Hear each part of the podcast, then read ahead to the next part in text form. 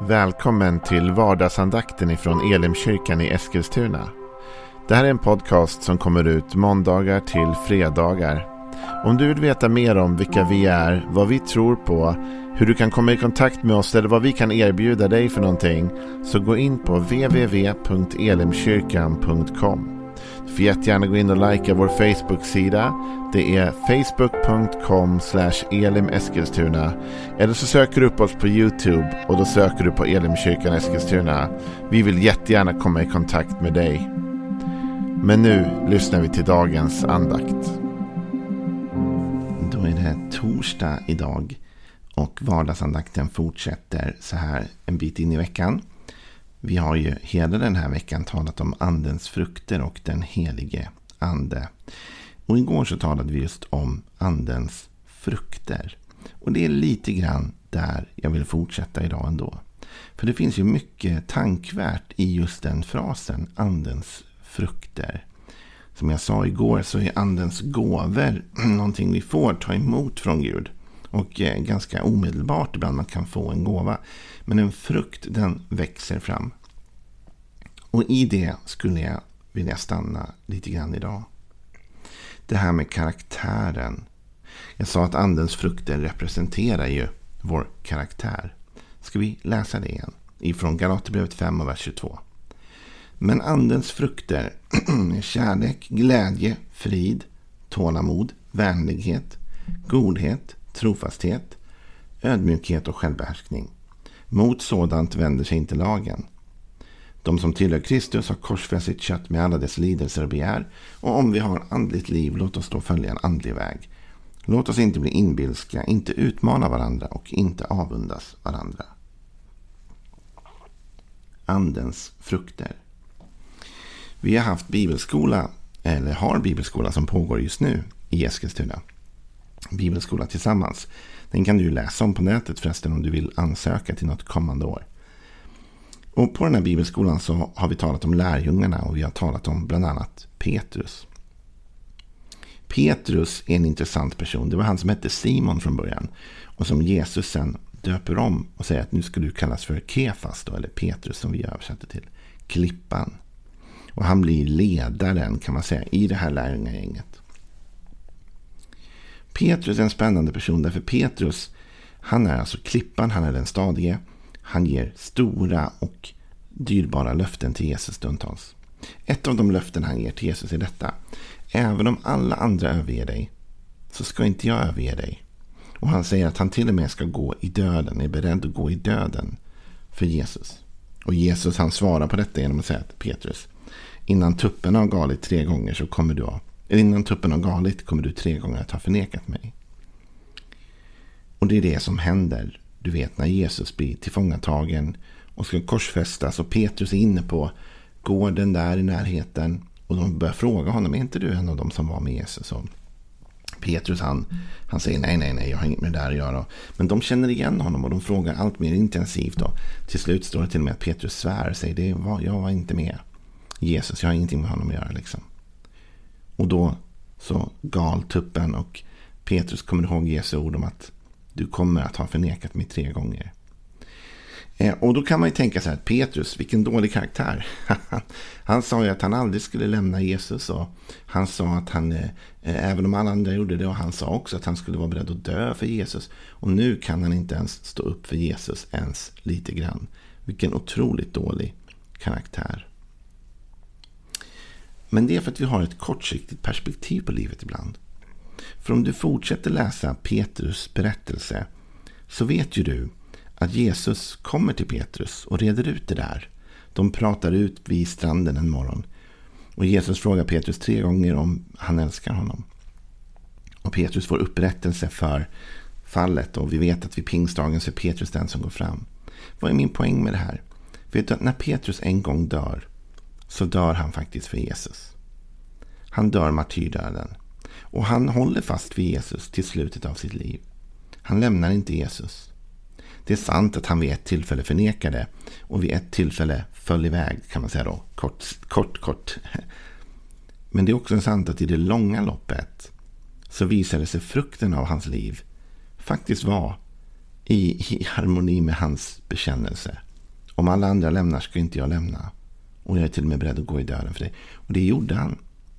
Så det innebär att över tid växte det till frukt i Petrus liv. Problemet med dig och mig, det är ofta att vi vill se den där frukten på en gång. Och vi blir så besvikna när vi likt Petrus vid något tillfälle i livet inte liksom ser den frukten i vårt liv.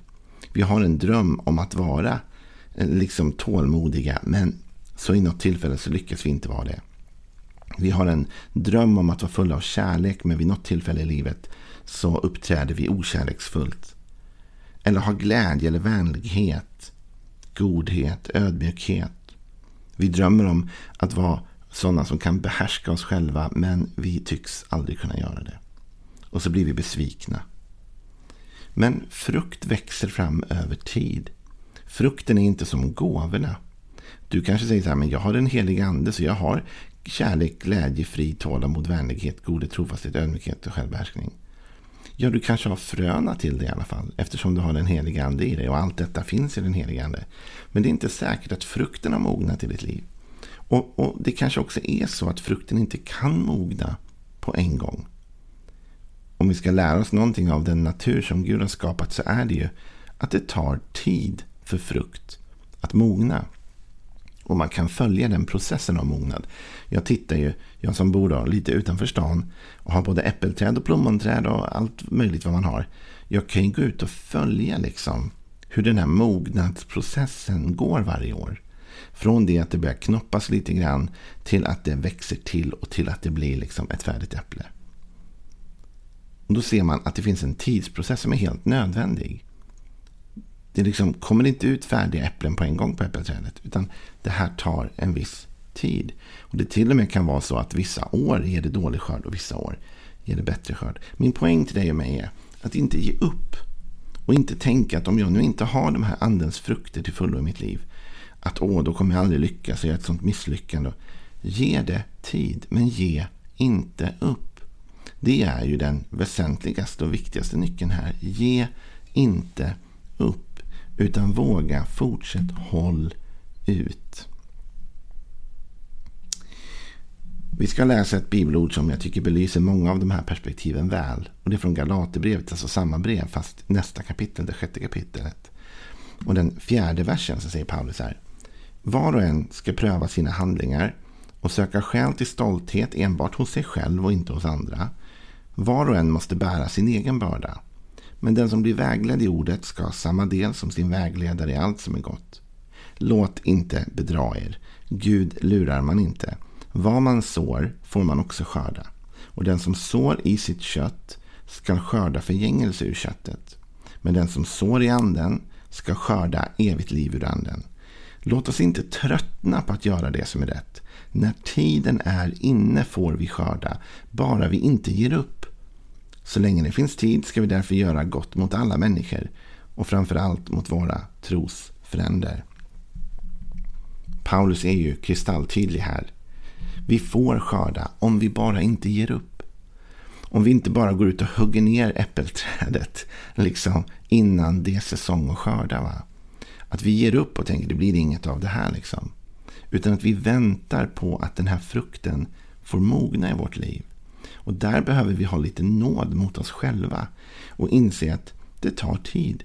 Det viktigaste är inte att vi alltid har färdig frukt. Det viktigaste är att vi ser att frukten mognar. Och där kan vi behöva vara ärliga mot oss själva och se att är det nu så, okej, okay, jag är inte framme vid självbehärskningen helt eller framme vid kärleken eller godheten eller allt detta helt. Men se en utveckling. Har det blivit från en, liksom, har det kommit en liten knopp som har blivit en kart kanske nu? Alltså har det hänt någonting? Har jag rört mig någonstans på skalan? va? Och det är då som Paulus säger här till exempel. Att var och en ska pröva sina handlingar. Och söka skäl till stolthet enbart hos sig själv och inte hos andra. Vers 3 som vi inte läste säger faktiskt att den som menar sig vara något fast han ingenting är bedrar sig själv. Så med andra ord, om jag går runt och säger att jag är så kärleksfull och full av andens gåvor, och, och, men jag inte är det, det är inte den frukten i mitt liv, då bedrar jag bara mig själv. Däremot så ska jag vara nådefull mot mig själv om kärleken och glädjen och friden och tålamoden. och vänligheten och godfastheten och trofastheten och ödmjukheten och självbehärskningen inte är så utvecklade som de borde vara. För det finns fortfarande tid. Vi kommer få skörda, bara vi inte ger upp. Så vi får rannsaka oss själva. Paulus säger också en sak som är ganska intressant och ganska viktig. Vilket är att vi ska inte rannsaka varandra. Han säger var och en ska pröva sina handlingar och söka skäl till stolthet enbart hos sig själv och inte hos andra. Med andra ord, det är inte din och min eh, uppgift va? att gå och bedöma frukten i andra människors liv. Det är inte din och min uppgift att gå och säga du borde ha mer av den här andens frukt, du borde ha mer av det här, du borde... Utan vår uppgift är att se till oss själva. Va? Om alla tog det personliga ansvaret att granska sitt eget liv och se om de här frukterna på något sätt får mogna till att växa så skulle världen bli förändrad. Skulle vi inte behöva gå och säga till varandra. Utan vi skulle alla ha fokus på oss själva och på att på det sättet växa. Va? Men här står det också, låt inte bedra er, står det. Gud lurar man inte, okej? Okay? Vad man sår får man också skörda. Den som sår i sitt kött ska skörda förgängelseköttet. Men den som sår i anden får skörda evigt liv. Så man kan så i anden. Och för att få andens frukter att växa till. Och hur gör man det? Jag tänker så här. Att det vi sår får vi också skörda. Om jag vill ha mer av andens frukter. Om jag vill ha mer av kärleken. Vad behöver jag göra då? Då behöver jag så ut kärlek. Om jag vill ha mer glädje. Vad behöver jag göra då? Jag behöver så in glädje i andra människors liv. Om jag vill ha mer frid i mitt liv. Vad behöver jag göra då? Behöver jag så frid och ro in i andra människor. Likadant med tålamodet, med vänligheten, med godheten, med trofastheten, med ödmjukheten och med självbehärskningen. Allt detta får vi så ut. Och vi kan så ut lite och det växer till och det är då vi ser den här mognadsgraden i frukten sakta träda till. Ta självbehärskningen. Man kanske tänker så här. Ja, jag ska sluta äta bullar. Jag äter fem bullar per dag eller vad som helst. Vi hittar på någonting nu. Så jag ska äta fem bullar per dag. Va? Och då är vi så här, då tänker vi alltid så här, du vet att ah, om jag inte kan sluta äta fem bullar per dag, då har jag misslyckats med min självbehärskning. Va? Men jag tror ibland att vi måste sova. Så vi får börja tänka så här, idag ska jag bara äta fyra och en halv bulle. Okej, okay, jag ska inte äta fem, jag ska äta fyra och en halv bulle. Och på det sättet så sår jag ut lite självbehärskning. Va? Och, och över tid så kommer du kunna ta bort en hel bulle. Och nästa dag ytterligare en bulle. Och sen lite längre fram, till slut så har du inga bullar kvar du äter varje dag. Utan bara vid festliga tillfällen kanske. Förstår du vad jag menar? Att vi sår ut lite. En del kanske tänker, jag är inte så bra på det där med vänlighet. Liksom. Jag är en ganska aggressiv person eller har lätt till, till det. Men börja så lite vänlighet. Tänk inte att du har färdig frukt på en gång. Den där färdiga frukten-bilden tror jag hindrar oss väldigt, väldigt mycket från avancemang i vår tro. Därför vi blir så besvikna när vi tänker oss den färdiga frukten och inte riktigt har den. Tänk istället att du är i ständig utveckling och att det växer frukt i ditt liv. Frukt som håller på att mogna och att om du och jag bara inte ger upp att försöka göra det goda utan vi försöker hela tiden så i anden så kommer vi till slut också få skörda ur anden. Så du och jag, vi ska börja med att titta på detta. Okej, okay, att läsa igenom, vad är nu andens frukter? De här sakerna vill jag primera i mitt liv. De här sakerna vill jag så ut lite av varje dag. För att någon gång i framtiden känna att jag har full frukt på det här eller på det här området. Så min uppmaning till dig idag är, var nådefull mot dig själv. Stirra dig inte blind på om du inte har andens frukter helt mogna i ditt liv. Se bara till att det finns en ständig process av mognad i ditt liv. Där du ändå blir lite bättre hela tiden. Där frukterna hela tiden får växa lite varje dag. Och de växer genom att vi sår ut dem. Genom att vi använder oss av den lilla kärlek vi har, den lilla glädje, frid, tålamod, vad det nu är i dessa gåvor. Vi sår ut lite av det varje dag. Och till slut kommer vi uppleva att det växer i vårt hjärta och vi har förmåga att så ännu mer och göra ännu mer än vad vi har kunnat göra tidigare. Det var min lilla utmaning till dig denna torsdag. Imorgon så avrundar vi den här veckans tema om andens frukter. Missa inte det. Hej då!